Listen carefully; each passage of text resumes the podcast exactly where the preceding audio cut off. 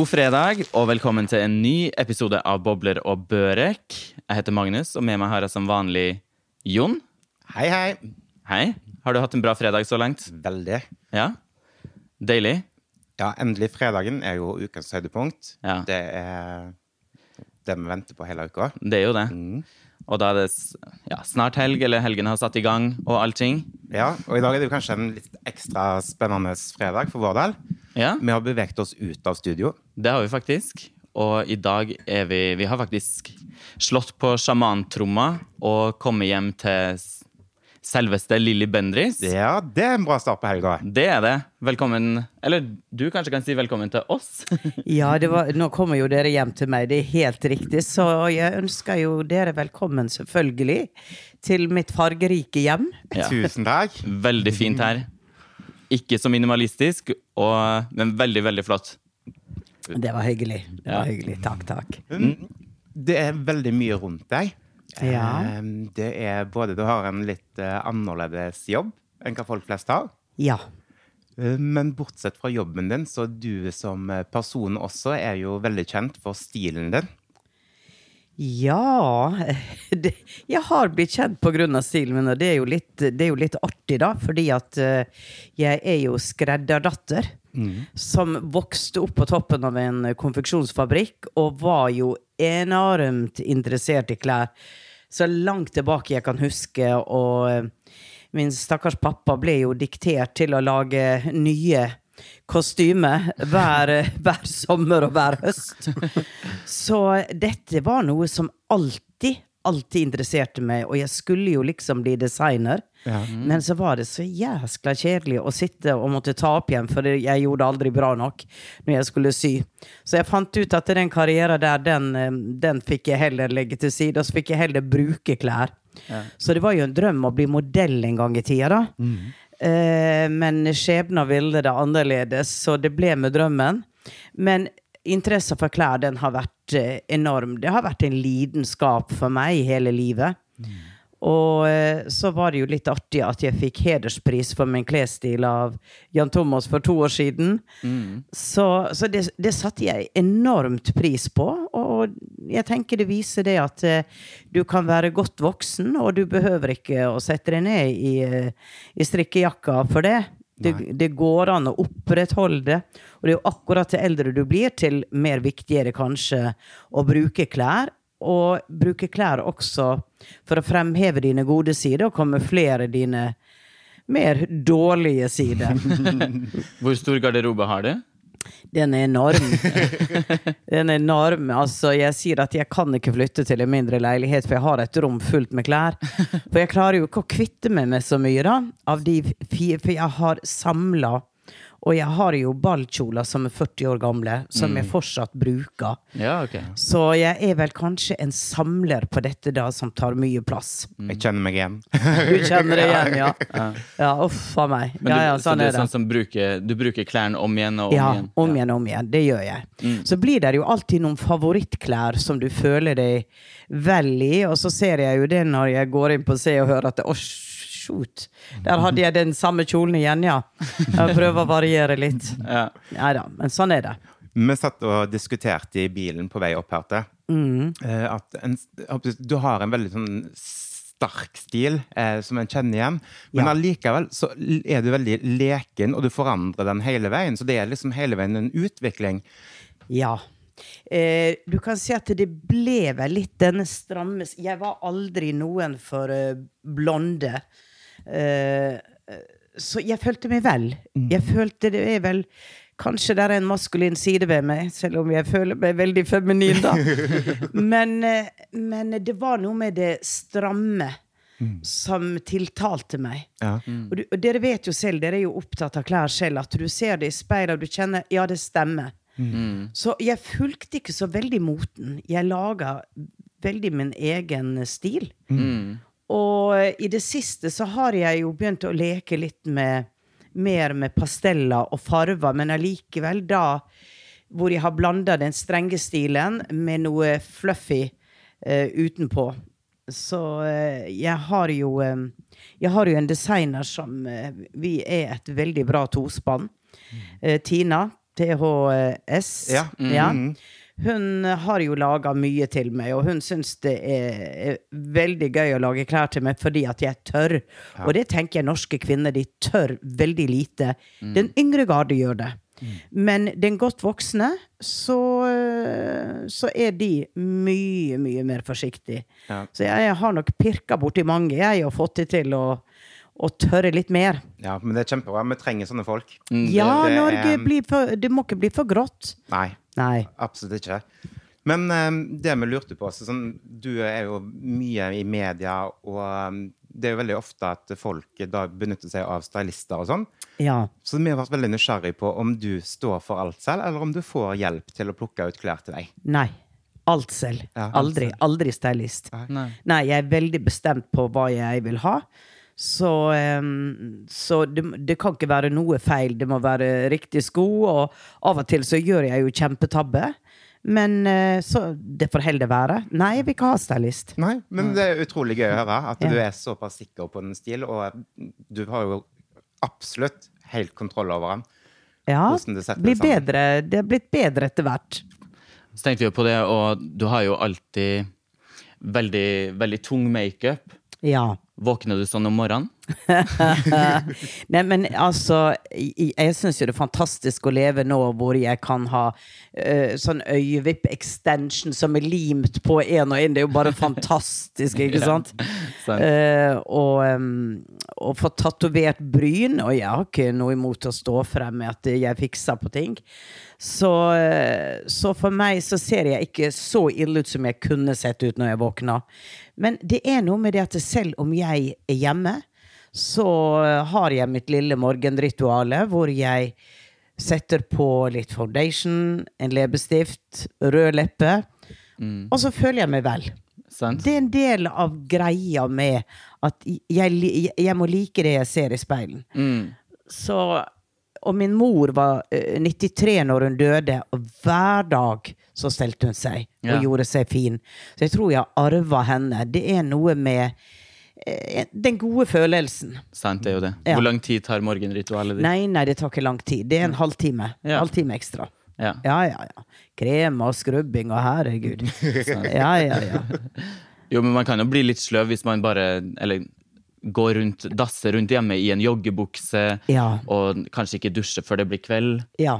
Å nei, det, det går ikke med meg. Får ingenting gjort da. Ja, det går Nei, nei, nei. Jeg må liksom gjøre meg klar til dagen. Mm, sant. Og da, og da er jeg i gang. Ja. Men eh, ja, nå har du jo gitt ut en bok Ja. ganske så nylig. Og eh, det er jo det som på en måte er Oh, my reason for living. Ja. Altså, det er det spirituelle.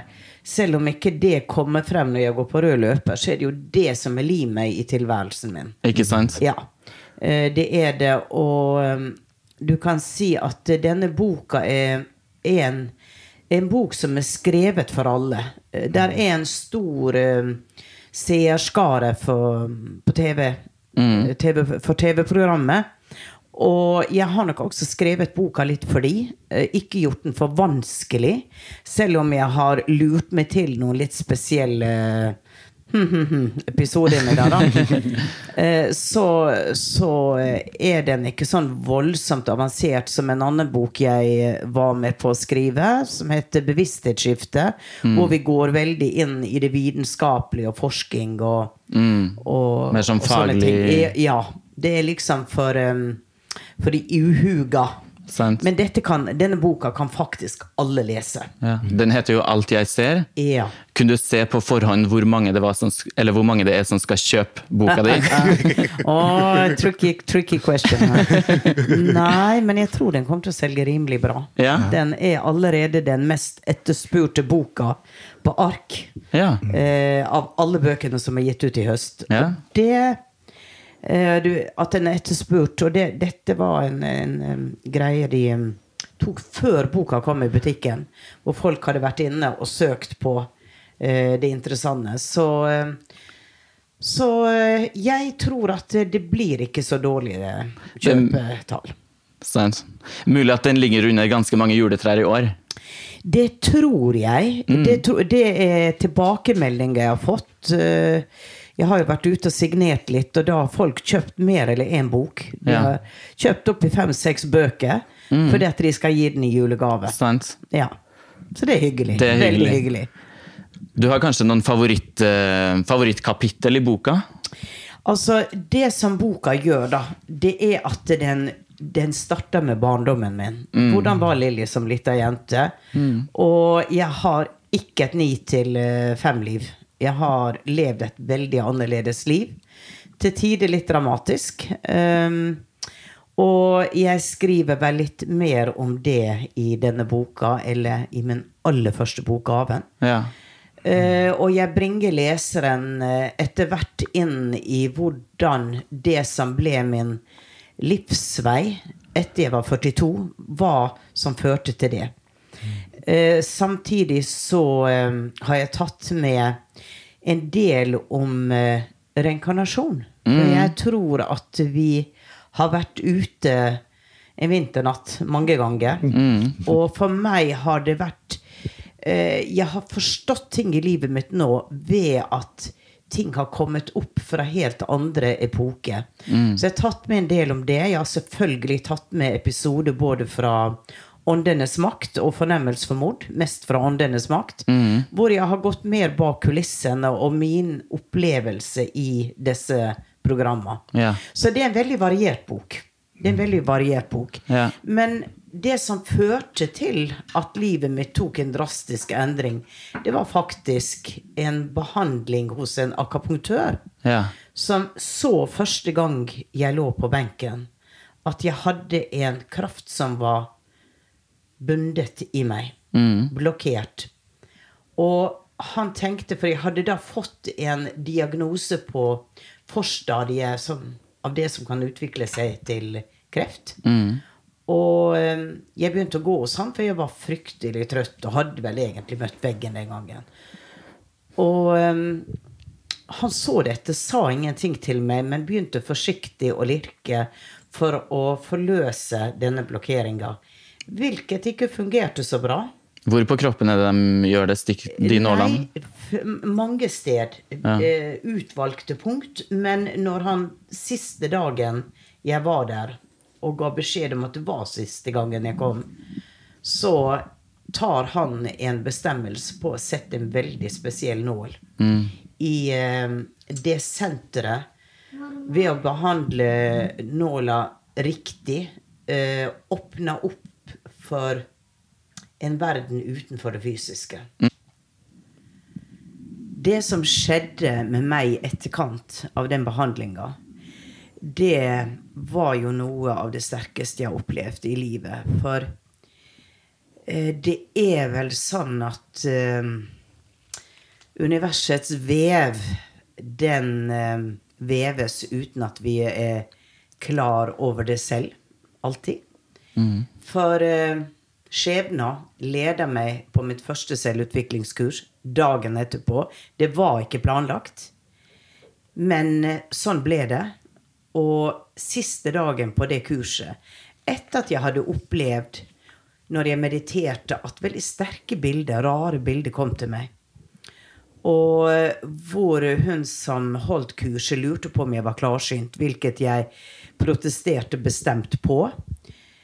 Eh, Men i sirkelen, det var vel en 13 kvinner som satt der, alle hadde jo fått en kreftdiagnose, og jeg var vel den som var minst alvorlig, og satt der og kjente på at gud, her kommer folk som er virkelig syke. Jeg, skulle jo egentlig ikke vært der, men jeg var godt mottatt, og de tinga som vi hadde gjort i disse dagene, var uh, veldig flotte ting som jeg tok til meg, og det føltes riktig. Ehm, jeg kjente på energi. Men så var det da denne siste dagen. Og eh, jeg har lyst til å lese egentlig fra boka. Vi sitter i en sirkel. Kaja holder en sten. Kaja var hun som holdt kurset. Hun holder en sten i hånda og sier at eh, dette er en hellig sten som hun har fått av en nordamerikansk sjaman. Og eh, vi skal få lov å holde på den, fordi at den hjelper oss til å finne ord når vi skal forklare og fortelle hvordan det hadde vært denne uka. Og noe begynner å skje med meg når hun snakker. Jeg er den som sitter til venstre for henne, og eh, hjertet mitt begynner å banke. Det er en rar, rar følelse som jeg opplever å ikke kunne kontrollere. Det er noe som bygger seg opp. Eh, jeg vil ikke ha denne stenen. Eh, jeg får den. Det er kaotisk i hodet. Jeg har ingen ord. Jeg kan ikke si noen ting. Og eh, ber om å få lov å gi stenen videre uten å snakke. Det får jeg lov til. Og tenk at nå slutter hjertebanken. Nei, den gjør ikke det. Og jeg leser nå fra boka. Inne i meg bygget noe seg opp. En rå og ukjent kraft. Som et levende vesen, uavhengig av meg. Samtidig som jeg kjente at det var jeg som måtte forløse denne kraften. Jeg ble redd for å miste kontrollen Gode Gud, Lilly, ta det sammen, tenkte jeg. Dette var avslutningen på kurset, og jeg ønsket ikke å lage samme oppstyr som jeg faktisk hadde gjort første dagen. Så var det min tur til å ta imot steinen. Jeg holdt den hardt i høyre hånd mens hjertet dunket som besatt. Uten å si noe, slik jeg egentlig skulle ha gjort, ga jeg den videre til nestemann. En hånd ble lagt i min. Det var Kajas hånd. Det var greit at jeg ikke hadde sagt noe. Nå ville hun at jeg skulle åpne opp og ikke holde noe tilbake. Velsignede Kaja. Jeg fikk lov. Jeg fikk virkelig lov til å føde denne kraften som rev og slet i meg. Jeg pustet dypt inn, og så slapp jeg kontrollen. Hodet mitt ble kastet bakover, og med ett forlot jeg den synlige virkeligheten og reiste, reiste og reiste. Gjennom nåtid, fortid og fremtid. Et panorama åpnet seg for mitt indre blikk. En gammel indianer sitter på bakken med et slitt teppe over skuldrene. Han rugger frem og tilbake, frem og tilbake. Et, et bål brenner foran ham, og ringer av røyk stiger sakte oppover til de forsvinner i et hav av blått lys. En hvit ørn sirkler majestetisk rundt over ham. En liten gutt, kledd i hvite skinnklær, kaster små baller opp i luften, og de forsvinner også i det blå lyset. Jeg står der foran den gamle. Han løfter blikket, og uten ord trer han inn i min bevissthet. Kom nærmere. Gi meg dine hender. Blikket hans, fylt av tidens visdom, ser alt, og jeg forstår alt. Jeg har ventet på deg. Tiden har kommet. Det er ingen vei tilbake nå. Som en magnet trekkes jeg mot ham. Min vilje smelter bort. Dette er alt som eksisterer nå. Den gamle, ørnen, gutten. Lilly, den blå himmelen. Fred, overgivelse, aksept. Han låser sitt blikk i mitt og sakte strekker i hendene frem inntil de nesten berører hans. Så et voldsomt lynnedslag. Det treffer hodet mitt og strømmer gjennom kroppen. Før det blir værende i håndflatene mine. En brennende og stikkende smerte. Så sterk at jeg slynges tilbake til virkeligheten. Denne opplevelsen, den Hver gang jeg forteller den, tenker på den, så er den like levende, like sterk. Mm. Og der og da visste jeg at livet mitt aldri ville bli det samme. Mm. Ble du ikke utrolig skremt? Nei. Alle brikkene falt på plass. Ja. Og det var en sånn total overgivelse, en sånn kraft Og jeg tenker at hvordan er det mulig at jeg har båret denne uten å merke den? Og den krafta har alle mennesker. Og det er det jeg prøver å hjelpe mennesker med å forløse. Så alle sammen kan Eller tror du alle sammen kan bli klarsynt? Alle er født med det som skal til for at dette skal kunne utvikle seg. Men vi er på forskjellige sted i livet av hva vi har behov for, hva vi ønsker. I mitt karma så vet jeg det at det var dette jeg kom for, å bygge bro mellom verdener. Å være en talsperson for, for den åndelige virkeligheten på, på mange forskjellige måter. Uh, og da måtte jeg nødvendigvis vekke til live på en så sterk måte at det aldri var tvil Sans. om at dette var reelt. Ja. Og andre mennesker velger en annen karriere, de velger noe annet. Men jeg opplever at det er en enorm oppvåkning nå. Eh, at flere og flere kommer og snakker om at jeg senser ting på en helt ny måte. Det skjer noe med hendene mine. Eh, Folk sier jeg har varme hender. Jeg drømmer om ting som skjer. Jeg begynner å sense, se ting. Så det er en veldig vekkelse. Og jeg tenker at det du setter lys på, det har en tendens til å eskalere. Og i de 14 åra jeg har vært i Åndenes makt, så har det vært en økning av bevissthet på fenomen som ligger utenfor øh, det fysiske, nesten. Og det sanselige har fått oppmerksomhet. Det er noe mer mellom himmel og jord. Og eh, når det er opptil 500 000 som sitter og ser både på reprisene og på programmet, eh, så er det jo klart at det har truffet noe i folkesjela. Men det er jo Eller du sier det er en stor vekkelse nå, og, og sånn. Men det, du har sikkert også møtt veldig masse fordommer med tanke på det med klarsynthet, om at det kan være løgn, om Ja. at det som skjer på Åndenes makt, at det er bare TV. Ja. Mm. Og det er litt artig, da, fordi at i begynnelsen så var det veldig mye hånlatter. Så ble det angrep, eh, mer eh, ganske ondskapsfulle angrep med at eh, dette var et setup, vi visste alt på forhånd. Og så begynte det de hatske angrepene. Latteren forstår man nok ikke. Eh, men så tenker jeg at det vil jo være verdens best bevarte hemmelighet hvis ingen i løpet av disse 14 åra hadde sladra at dette var et setup. Ja, sant.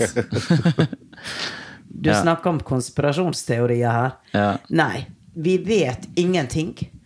Og det er for meg det beste beviset for meg selv. At når jeg får opp årstall, historier, eh, bilder som ingen vet om Ikke familier vi er hos, ikke TV-teamet. For det er klart, telepati kunne det vært. Eh, da tenker jeg at det, hvem fortalte meg dette? Mm. Det stemmer for ofte til at det kan være gjetning. Ja. Det er ikke mulig. Nei. Det er ikke mulig. Så for meg selv har vel det vært den plattforma jeg etter hvert har fått lov å stå trygt på. Det vil ikke si at vi alltid ser riktig. Fordi at det, bilder kommer, men det er vanskelighetene blir å forstå bilder ofte. Og tyde bilder. For det er som puslespillbiter som kommer inn. Det er ikke som å lese en sammenhengende bok, som annet jeg gjorde nå.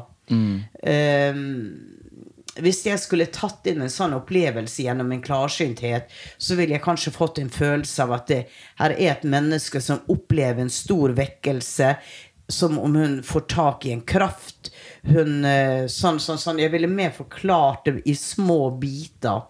Eh, at noe har skjedd denne kvinnen som gjør at hun har forandra sin livsvei.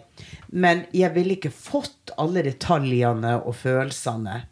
Greier du å stenge av, sånn at av og til For det må, jeg tenker det må være slitsomt å alltid, alltid se ting og på en måte ta inn saker. overalt, eller Jeg, greier du å stenge det jeg ser overhodet ingenting når jeg ikke er på jobb. Nei, okay. Nei, nei, nei. For meg er det en av og på-knapp. Jeg er helt normal. Når jeg går ut i et selskap, jeg ser ingenting. Jeg er ikke interessert i å se noen ting. Nei. Og hvis folk kommer bort og sier 'hva ser du rundt meg', så sier antenna er nede. Jeg ser ingenting. jeg er overhodet ikke interessert i, uh, i det. Nei. Men når noen kommer til meg, har bestilt en time, setter seg ned, så er det som om jeg, noe skjer oppi hodet mitt, som om noe blir påskrudd. Og, eh, og jeg begynner å ta inn informasjon. Eh, og jeg sitter ikke og spår, uh, for jeg mener vi har parallelle fremtider. Jeg ser linjene som ligger der. Men for meg er det viktig, uh, som jeg sier, det er en type soul coaching. Det å kunne gå inn og se den overordna planen. Som hvorfor inkarnerte du denne gangen? Hva ligger der i manuskriptet ditt? Øh, og folk kan komme til meg med en situasjon de er i, eh, som de ber meg se nærmere på. Da går jeg inn i situasjonen for å se hva er det som foregår her. Hva ligger i det karmiske perspektivet? Hva er det lurt å gjøre her? Eh, For at dette skal få best mulig utgang og en best mulig forståelse for hva det egentlig er, og spesielt i parforhold. ikke sant? Noen kan komme og si eh, 'Kan du se om jeg skiller meg?' Så sier jeg nei. Men la oss se på ekteskapet ditt. Ja. Hva er karma her? Hva ligger, hva ligger her i oppgaver? Hvorfor møtte dere hverandre? Hva skulle være utfordringene? Hva er det som skjer nå, og hvordan skal dere jobbe med det? Så om du da ut ifra disse opplysninger føler at du har fått en større klarhet, så må du bestemme om du skal skille deg eller ikke. Ja, ikke sant? Sånn er det jeg jobber. Ja. Ja. Så du kan ikke se her at vi Om vi har med oss noen, jeg vet ikke hva det heter, engler eller Engler eller guider, det blir litt det samme som når noen kommer. Så kan jeg be om tillatelse til å ta inn de som er med på denne livsreisen. For vi har jo alle et sett av uh, lysvesen som følger oss. Eh, og jeg mener det er feil å gi all sin makt og kraft over til guidene og spørre de er det rett at jeg gjør det. Vi er her for å ta våre egne bestemmelser, ikke for å spørre om hjelp hele tida. Da blir vi jo aldri voksne. Eh, så ansvaret ligger for oss. Eh, men de er der og støtter opp, og vi kan få en kjempe kanskje følelse av at nå gjør jeg det rette. Min intuisjon sier det. Og så får jeg et rush av energi, og jeg vet at eh, jeg har med meg gutta på loftet på laget. Ok, Lilly, nå er du på rett vei. Ja. Så, og de kan også komme inn og komme inn og jeg får plutselig at jeg må avlyse en avtale. Vet ikke helt hvorfor. Og da er det alltid helt riktig at jeg avlyser den avtalen. Og da føler jeg at de kommer inn og gir meg en eller annen form for warning. Gir en magefølelse, da, på en måte. gir det gjennom en magefølelse. Um, avdøde er de jeg minst forholder meg til. For de skal få lov å fortsette sin vei. Um, og jeg vet at i enkelte tilfeller så sier jeg ja til å ta imot når det er selvmord, når det er dødsfall som det ligger mye traume og ting rundt som familier har øh, kanskje veldig behov for å få en oppklaring på. Og det gjør jeg så godt jeg kan. Men bare av nysgjerrighet. Det er ikke der mitt arbeidsgrunnlag ligger. Nei. Og eh, det er mange dyktige som arbeider med det, og da sender jeg de heller til de. Ja. Spiritistkirka er, har veldig dyktige folk ja. på akkurat den biten. Men det er jo det har, Vi har jo sett på TV og sånt også at i kriminalsaker og sånn, så bruker en jo veldig Ja. mye sånne teknikker. Ja. Men det som jeg er litt sånn nysgjerrig på, da, sånn som i forhold til media og sånt nyhetsbilde, hvis det er store saker som eh, kriminalsaker eller drapssaker, klarer du da på en måte å la være å engasjere deg? Jeg har valgt å ikke gå inn i det. Ja. Helt bevisst har jeg valgt å ikke gå inn i det. Jeg får ofte spørsmål om det, og jeg går ikke inn for det. Det er for komplekst, det blir for mye styr. At hun har sagt sånn og sånn. Og det er også noe med det legale i det. Mm. Du kan ikke peke ut en drapsmann altså uten konsekvenser. Um, så jeg vet amerikansk politi bruker jo um, mye medium. Og eh, når jeg jobba med Åndenes makt, um, som jo var TV som tok det legale ansvaret, så må jeg jo si at eh, jeg Kristin Juel-saka, der pekte jeg jo ut han som nå er dømt. Og det var ingen tvil. Det var sterkt og tydelig. Uten at jeg visste noe om den saka. Um, så um, jeg tror nok at politiet kunne brukt oss mye mer og fått tips, uten at det var bare det de måtte eh, gå etter, selvfølgelig. Ja. Fordi at det må finnes noen bevis. De må, ja da, og de må finne og Litt av problemet med mm, fornemmelse for mord var jo det at eh, man valgte politiet valgte å ikke gå videre med de spora eh, vi kom med. Fordi at eh, de, de må ha bevis på en helt annen måte. Sant? Ja. Men det går an å bruke det kanskje mer som en, eh, som en veiledning, eller sånn i hvert fall for å Ja, se se nærmere på en pekepinn. Se nærmere på det. Sant? Ja. Det er jo et fantastisk verktøy. Jeg kjenner jo at jeg bare sitter og kribler i kroppen, blir helt sånn varm, for jeg, er så, jeg blir så fascinert over det. Det er liksom noe en Ja. eh, ikke kan ta og føle på, men det er bare ja, veldig Ja. spennende. Veldig spennende. ja. Ja, Jeg har egentlig alltid vært litt sånn litt skeptisk, men det er sånn, jeg tror jo at det finnes noen ting, noen ting mer, men det er kanskje jeg ikke har åpna mine Eller Ja. på en måte åpna mine egne evner, sånn at jeg greier på en måte å, å kjenne Ja. det så tett, tett på kroppen. da. Ikke sant? Og, og da kommer jeg tilbake til det jeg ikke svarte helt og fullt på i sted. Kan alle bli klarsynte? Her er metoder, eh, absolutt, hvor man kan åpne opp. Men la oss si her er graderinger. Fordi at det er det som en, en pianist En eh, komponerer musikk når han er fem år gammel, og en annen strever hele livet og blir sånn middels god. Så dette ligger i et type talent, da. Men alle har en pinealkjertel, et tredje øye. Og gjennom meditasjon, fokus og stillhet, så vil du begynne å kunne ta inn signal. For eh, det er som når vi drømmer. Og det er veldig mange i det siste som har kommet til meg og sier at det, altså jeg drømmer så mye nå, og jeg husker hva jeg drømmer, og så skjer det jeg drømmer. Og da sier den åndelige verden at vi går minste motstands vei. Og har man for mye bråk rundt seg på dagen, man ikke går i stillhet, man ikke mediterer, så kommer de til en om natta. For da går hjernebølgene våre over i en annen tilstand, hvor der er en åpning mot det ikke-fysiske og det åndelige. Ja. Det er veldig interessant. Veldig. Ja. Det er en, en, det er en fasciner, Det å åpne opp for en større virkelighet er fascinerende. Og jeg tror jo at den virkeligheten ikke bare er en portal mot våre avdøde. Jeg tror at vi kommuniserer med vesen som eksisterer i andre deler av vårt store univers. Jeg tror at universet er befolka, og at her er en mulighet for å kommunisere med de. Fordi at eh, akkurat dette å kommunisere gjennom hjernebølger og, telepati, en form for telepati, det er jo også noe jeg har fått lov å opplese, og noe jeg ikke har skrevet så mye om i denne boka, men i eh, gaven og bevissthetsskiftet så går jeg veldig mye inn på at eh, jeg har hatt veldig sterke opplevelser med, med vesen som eh, bor på helt andre planetsystem eller oss. Det er veldig, også veldig interessant. Og du nevnte jo tidligere en del om reinkarnasjon og Ja. tidligere liv og sånn. Ja. Jeg tenker det at eh, du lever. Du går på skole, du utvikler deg, du opplever mye. Og så dør du. Og så er det ingenting mer. What a waste of time, tenker jeg.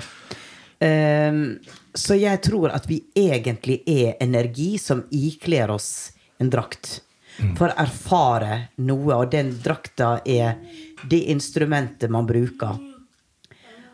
Og ehm, jeg tenker da at eh, dette Denne bevisstheten som vi egentlig er, denne energikroppen vi er, den eh, tar på nye drakter hele tida. Eh, Jeg tror at evigheten er at vi erfarer fra vår sjel igjen og igjen og igjen en mangfoldighet av eksistenser.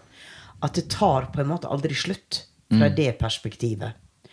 Og at vi, eh, sånn som meg nå her som Lilly, så har jeg vært, føler jeg, så heldig at jeg både har gått til dyktige hypnotisører og fått eh, Det er jo artig historie som står i boka her. Pluss at det, det har kommet til meg uten at eh, jeg nesten har gjort noe for det. Jeg har sittet og meditert, og plutselig er det en film som har begynt å kjøre i hodet. Ja. Denne historien, eh, når jeg leser en liten del av den, så vil dere høre at eh, den er skrevet på en veldig spesiell måte. Og det er det som skjer når jeg kobler meg på, og mine guider kommer.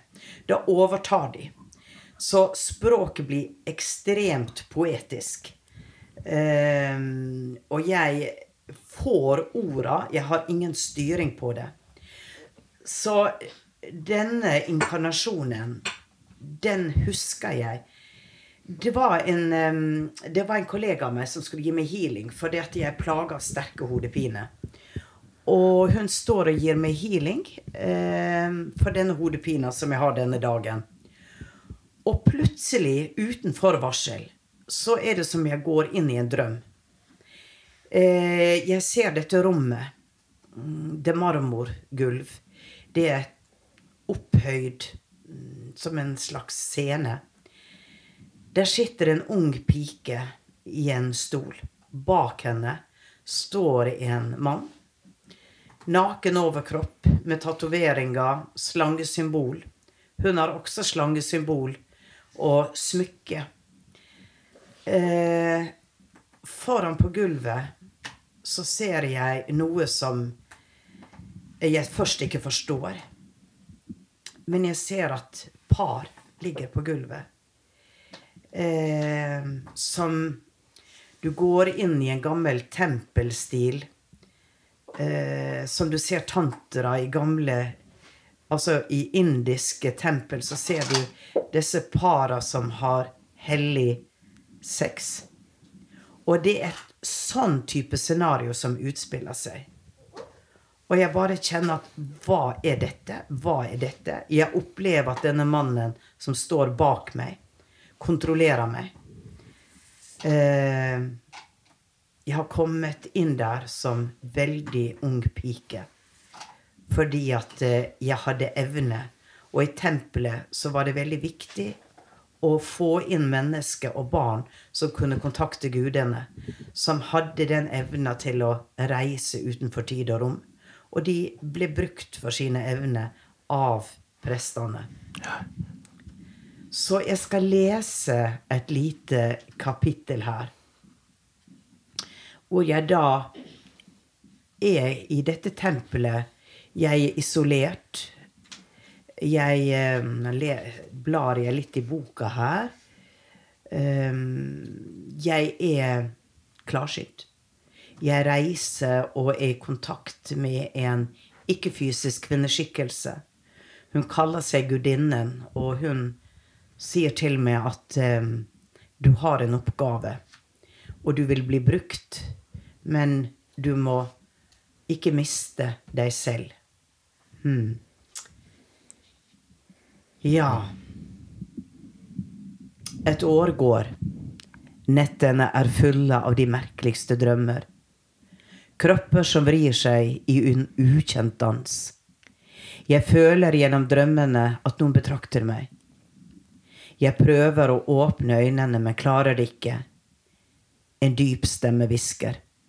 Snart. Snart er du min. En dag, mens jeg er nedsenket i blomstervannet, skjærer en skarp smerte seg gjennom magen. En rosa blomst stiger opp. Den er født av meg. Jeg har blitt fortalt at dette er kvinners gave, som gjør dem i stand til å føre slekten videre, og at dette er hellig blod. Den rene jomfruens første syklus er veldig verdifull for prestene som ivaretar ritualene for folket. Korn skal vokse, elven skal svelle, og jordens rytme må ha en kontinuitet. Solguden overvåker det hele. Jeg er barnslig stolt. Jeg er en viktig brikke i livets syklus. Jeg hviler og må innta mat og urter, slik det er beordret av prestene. Frukt, korn, bare det som vokser over jorden. Den siste natten Blodet holdes tilbake fra sitt utspring. Jeg sover dypt og drømmeløst. Det begynner som en dump smerte nederst i ryggen. Søvnen trekkes tilbake, og i et rykk erfarer jeg meg selv i bevegelse. Jeg blir båret. Sterke armer holder meg høyt oppe, og stjerneteppet favner meg. Natten er myk og full av lyder. Bevegelsen stopper, og sakte blir jeg senket ned.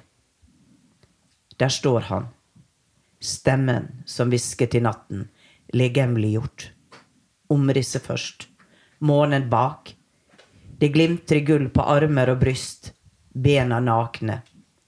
Han ruver over meg som en stor koloss. Er han et av de store kattedyrene jeg har sett i den hemmelige delen av hagen? Han bøyer seg ned og legger den sterke hånden bak nakken min og reiser meg opp i sittende stilling. Nå først ser jeg øynene. De er sorte brønner som drar meg nedover mot bunnen av verden. Jeg kaver for å komme til overflaten, men med hans finger på panner mister jeg viljen. Øynene hans forandrer seg, de blir grønne, de lyser sterkere enn solen. Han lokker meg, sluker meg og spytter meg ut igjen. Du er min. Jeg gjenkjenner stemmen. Er du min far, solguden? Jeg er din far, din hersker, din elskere, din slave. Det er jeg. Du må gjenkjenne deg selv gjennom meg, og når du kjenner deg selv i meg, forandres mønstrene som har bundet oss sammen gjennom tid og rom. Forening og adskillelse, destruksjon og nybygging.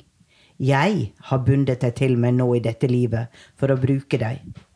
Jeg har mistet nøkkelen til gudenes verden, hvor alt skapes i abstrakt form, for så gjennom lysets brytning å manifesteres i det fysiske. Du er min nøkkel. Derfor må vi være ett. Din tanke vil bli påvirket av min inntil du bærer den samme kraft som meg, uten å ønske å bruke den for deg selv. Hvordan kunne jeg forstå på det tidspunktet hva dette innebar. Inni meg presset et uforbeholdent ja seg frem. Et raskt smil, en hurtig bevegelse. En kurv kommer til syne. Lokket fjernes, og en vislende lyd høres. Kobrahodet kommer til syne over kanten av kurven. En guttural lyd fulgt av en monoton sang får kobraen til å bevege seg dovent.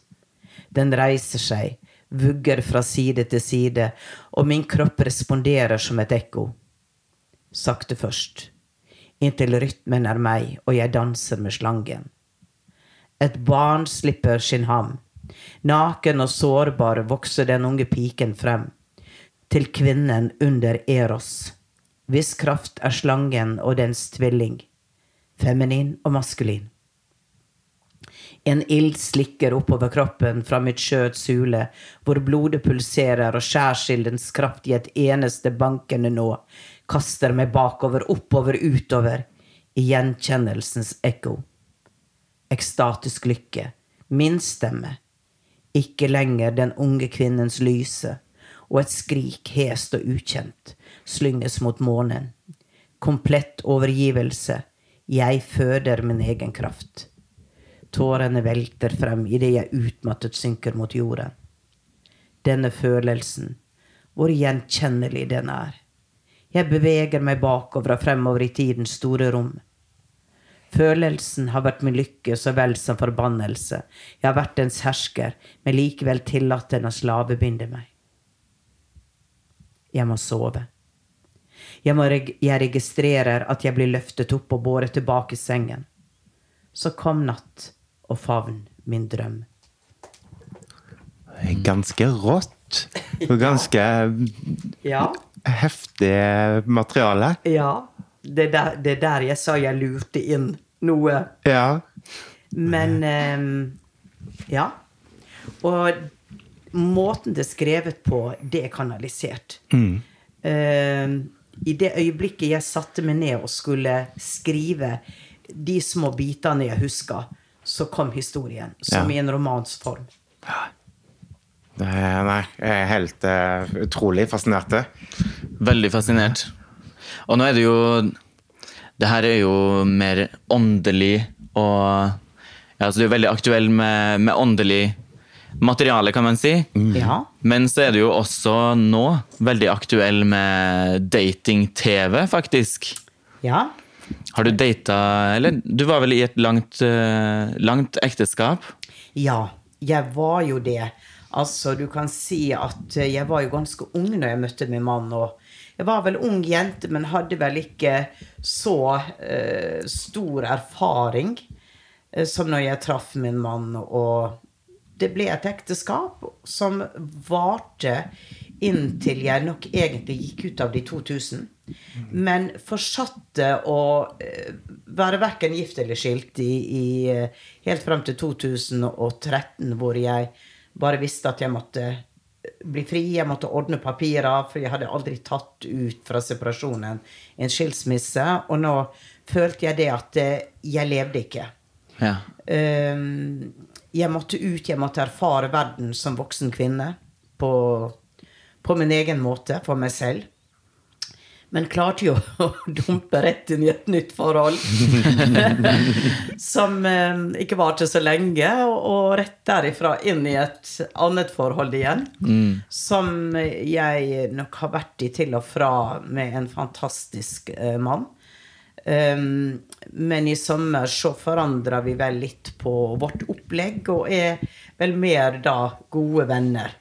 Så nå er du ledig på markedet. Så da ble det jo dette her i all verden. Eh, jeg skal ut på markedet. Og i den forbindelse så var det jo skjebne eller ikke skjebne at eh, jeg ble spurt om å være med i dette programmet. Og etter mange runder med meg selv sa ja, for jeg tenkte det er bra å sette lys på hvor er man som voksen kvinne når man plutselig skal ut? Det er mange medsøstre som sitter der hvor jeg sitter. Og ikke bare 70 år gamle, de er 50 år gamle. og tenker det at å gud, livet har gått forbi meg. Jeg er jo kassert. Altså, jeg er, jeg er skrap, jeg er ferdig materiale. Og så tenkte jeg nei, det er man ikke. Man er i sin beste alder. Sant? Og, ehm, og det gjorde at jeg faktisk sa ja til å representere den voksne kvinne. Men jeg har munnkurv, jeg kan ikke snakke om programmet. Eh, Men jeg, vi kan jo snakke litt om hvordan er det i våre dager å date. Ja. Altså, dette er jo en, mange generasjoner tilbake. Er du på Tinder? Jeg er på Tinder, vet du. Herregud, jeg er på Tinder. Ja. Dette er jo bare sånn der godtebutikk, ikke sant? Du kan bare sitte hjemme i sofaen og sveipe. Jeg kan sitte hjemme i sofaen og skype. Jeg tenker i all verden noe så praktisk. Ja. Det er jo fryktelig slitsomt å gå på byen. Går du på en nattklubb, så kan du jo ikke snakke med noen engang, for det er så, det er så Høy musikk. bråkete. Ja.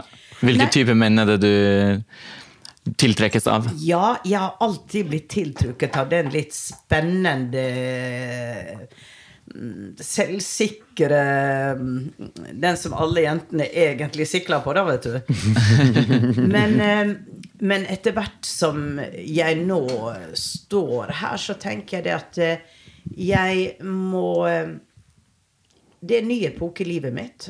Og for meg med mine venner så ser jeg hvordan jeg setter pris på den gode samtalen. Altså vennskap, alt det andre. Så utseendet blir mindre viktig, og innholdet blir mye mer viktig. Ja, sant. Så, men det er jo alltid sånn at eh, når du driver og sveiper, da, så blir det et ansikt du gjerne fester deg ved, eller et blikk.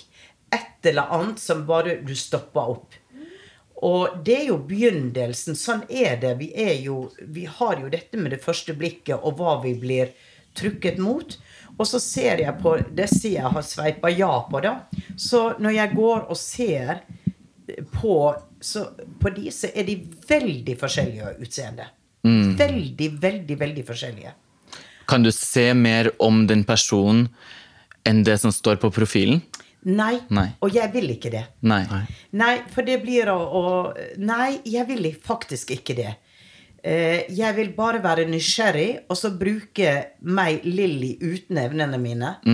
Eh, Det blir litt sånn å cheate foran eksamen, da, vet du. Jukse litt, jukse litt. Jukse litt, ja. Jukse litt foran eksamen. Så bra du spiller med, med åpne kort. Ja, for jeg tenker det, det er heller ikke rettferdig overfor den andre. Og det er jo faktisk det mange menn er redde for med meg.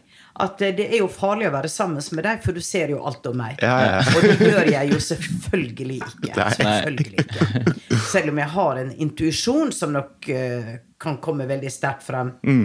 Men eh, jeg, jeg er vel et menneske som liker å tro det beste om alle, og faktisk kan være veldig naiv i mange tilfeller.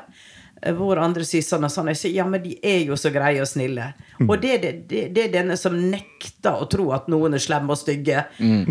Og så er det jo sånn det av og til. Ja. Ja. Du har mange jern i ilden. Ja. Du gjør veldig masse. Jobbe og jobbe og jobbe. Skal du aldri bli pensjonist? Nei. Aldri. Aldri. Nei, du, vet du hva? Jeg, jeg tar lange ferier hvor jeg ligger rett ut på stranda eh, og ikke gjør noen ting. Uh, men når jeg er hjemme, så er jeg aktiv. Selvfølgelig, jeg tenker veldig at jeg må trappe ned litt. For nå er det private klienter, det er kurs, det er foredrag, det er TV. Det er også nye ting på trappene på TV som jeg ikke har lov å snakke om. Det kan vi komme tilbake til når det blir aktuelt.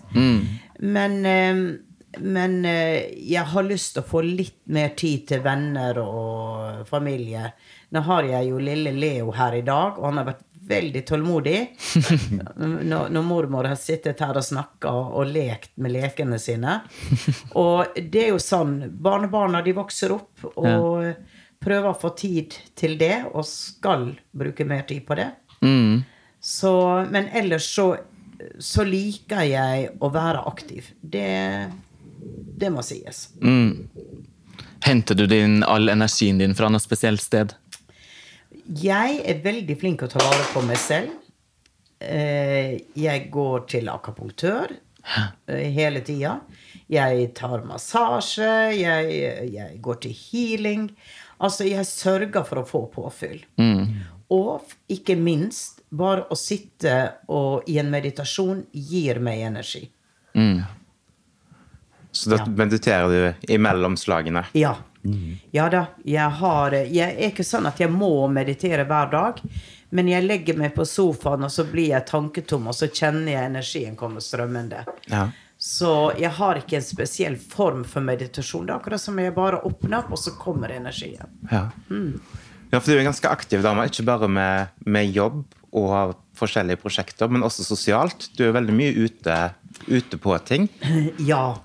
Jeg tror nok det ser ut som jeg er ute på mye mer enn jeg er. Ja. På grunn av Se og Hør er der jo og, og tar litt bilder, da. Og så virker det som jeg er veldig mye ute. Men hvis jeg skal si sånn generelt to kvelder i uka, Ja. er jeg nok ute. På et eller annet. Ja. Og akkurat nå i juletider så ser jeg i boka mi Oi, oi. Uff.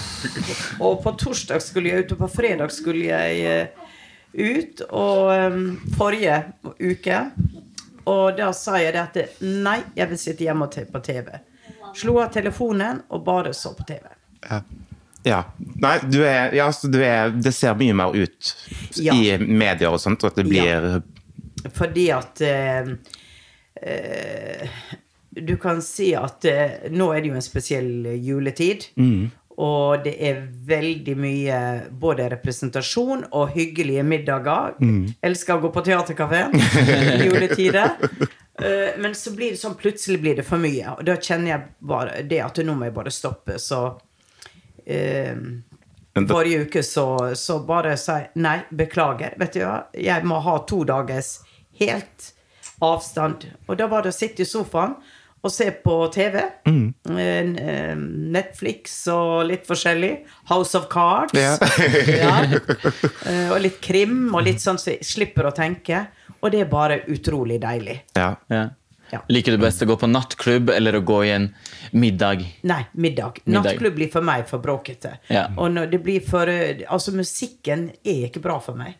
Um, det blir dette dunk, dunk, dunk, så blir det Det er ikke bra, bra for kroppen min. Jeg kjenner det at Nei.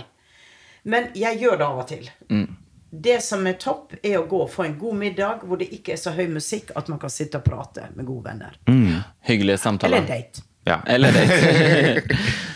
Er det det som er favoritten hvis du skal ut på date? Eller hvis noen vil invitere deg ut på date, så er det, er, da er det middag og Ja. som er Ja. Det Jeg syns jo alltid det er veldig greit å møtes over litt mat. Ehm, og så får man jo se om da samtalen går i stå, eller der er, der er ord fra begge sider av bordet. Ja. Sant. Fin måte å sjekke ut på. Det er jo det. Absolutt. Det er den beste. Det er favoritten min også. Hva med deg, Magnus? Jo, jeg liker godt. En god middag og noe godt i glasset, da har du meg. Ja. En god rødvin eller Ja. noen deilig champagne. Ja, ja. det er helt enig. Så bra. Det er bra. Men det var i hvert fall eh, veldig hyggelig å være på besøk til deg, Lilly Bendriss. Kjempekoselig. Ja. Tusen takk for at vi fikk lov til å komme. Ja, og takk for at dere kom til meg og syntes det var interessant å prate med meg. Veldig interessant. Vi kunne nok ha sittet her ut hele kvelden. Vi har sittet her en hel uke. Ja, ja. Oh God, ja.